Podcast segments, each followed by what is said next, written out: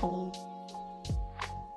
Salamlar kəsə. Bugünkü epizodumuzda mövzusu tərləyərək daha çox arıqlamaq niyə mümkün deyildir. Məncə hamımız çox vaxt şahid olmuşuq ki, ümumi olaraq arıqlama çalışan insanlar çox vaxt qalın paltarlar geyinib qaçmağa başlayırlar və ümumi olaraq idman edən zaman qalın paltarlar, dırnaq içində tərləməyə daha da çoxaldan video olan paltarlar və yaxud da korsetlər və s. taxırlar ki, ya da hətta bədən bədənlərinə istilikli maddələr falan da vururlar. Yəni kremlər çox vaxt olur bu ki, daha çox tərləsinlər və görün sonunda məqsəd olur ki, güya təryəri arıqlayacaqlar. Amma təryəri arıqlamırıq. Təryəri çəki itirə bilərikmi? Bəli, çəki itirə bilərik, amma onu başa düşmək lazımdır ki, tərləmək bir növ başa düşdüyümüz nəsə, yəni bədənimizdən su çıxır və günün sonunda əgər idmandan sonra su itəndən sonra həmin suyu yerinə qoyacağımıza görə, demək ki, əslində günün sonunda heç bir çəki itirməyəcəyik. Ümumiyyətlə arıqlamaq onsuz da birdən-birə baş vermir hadisə deyil. Yəni çox zaman görürəm insanlar məşqdə girməmişdən əvvəl tərədiyə çıxırlar, sonra məşqin axırında gəlib bir də tərədiyə çıxıb deyirlər ki, 1 kilo 2 kilo arıqladıq. Amma yəni arıqlamayıblar. Evə gedib yemək yeyəndə və yaxud da elə məşqdən sonra su itəndə artıq bütün çəkiləri geri qayıdacaq. Arıqlamaqla bağlı ən sadə prinsipə düşmək lazımdır ki, görək onda əgər arıqlamaq istəyirsə, gün ərzində qəbul etdiyimiz kaloriyadan daha çox kalori yandırmalıyıq. Yəni bu tək bir növ e, vəzifə öhdəliyimizdir ki, bizim etməli olduğumuz əgər arıqlamaq istəyirsə, qalan bütün vasitələr e, müəyyən qədər sadəcə bizim qısa zamanlı və bir növ illüziyalı çəki itirməyimizə səbəb ola bilər. Bura ketogenik diyeti belə, diyetə pəhriz növü belə aid eləmək olar. Keto diyetdə də məsələn insanlar karbonhidratını kəsirlər deyə birdən-birə sürətli artırır. Amma göz onda karbonhidrat yüklənməsi eləyəndə və ya sonra karbonhidrat yenidən bədəni qəbul etdi, həmin o çəki qayıdır. Çünki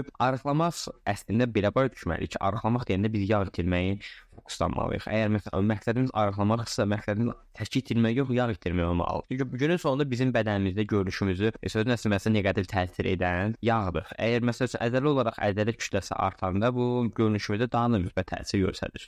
Çünki daha yaxşı görünür. Çünki əzələ özü ümumi olaraq bədənin ehtiyacı olan bir şeydir. Yağ kütləsinə sözdə ehtiyac var, olsun yəni müəyyən bir yağ kütləsinin üstündə olmalıyıq 10%, 15% ki, bədənimiz düzgün funksiyalarını yerinə yetirsin. Çünki yağ da çox, əlbəttə bədənimizin çox var. Yəni bu vitaminlərin belə bir çoxu sadəcə yağda həll olunur və hormonlarımızın düzgün istifadə etməsi və bir çox şey üçün bədənimizə müəyyən bir yağlılıq olmalı ki, tam sağlam olsun. Yəni çox arı olmaq da qətiyyən sağlam bir şey deyil, çox kök olmaq da qətiyyən sağlam bir şey deyil. İnsanlar çox zaman belə, yəni daha çox tərləmək üçün əlavə paltarlar geymək və s. bu tip şeyləri başa düşdüyümüz kimi və ya təxmin edə biləcəyimiz kimi çox zaman nəticəyə daha qısa bir yol axtarırıq hər zaman və bu çox normaldır, normal qəbul etmək lazımdır bunu. Amma günün sonunda başa düşməliyik ki, əgər yaxşı bir nəticə istəyirsə, daha çox çaba göstərməliyik, daha çox hərəkət seçməliyik. Ümumi olaraq hər zaman e, çalışıb bizim özümüzün bədənimizə optimum çəkisində saxlamalıyıq. Yəni optimum çəki də çox belə bir növ nisbi bir şeydir, amma ən sadəsindən boynunuzdan, əsasən kişilər boynunuzdan 100 çıxsanız, qadınlarda da 110 çıxanda əldə olunan rəqəm içərisində təkinizin də təxminən o kütlələrdə olması çox zaman ideal təki olur. Nəticə etibarilə danışdıqlarımızı yekunlaşdırsam, ümumi olaraq deyə bilərik ki, arıqlamaqla tərləmə arasında tam bir əlaqə yoxdur. Səki itirə bilərik, tərləyərik, amma bu da biz su içəndə bədənimizə lazım olan qidaları yenidən ötürmədikdə bu çəki yenidən geri qayıdacaqdır.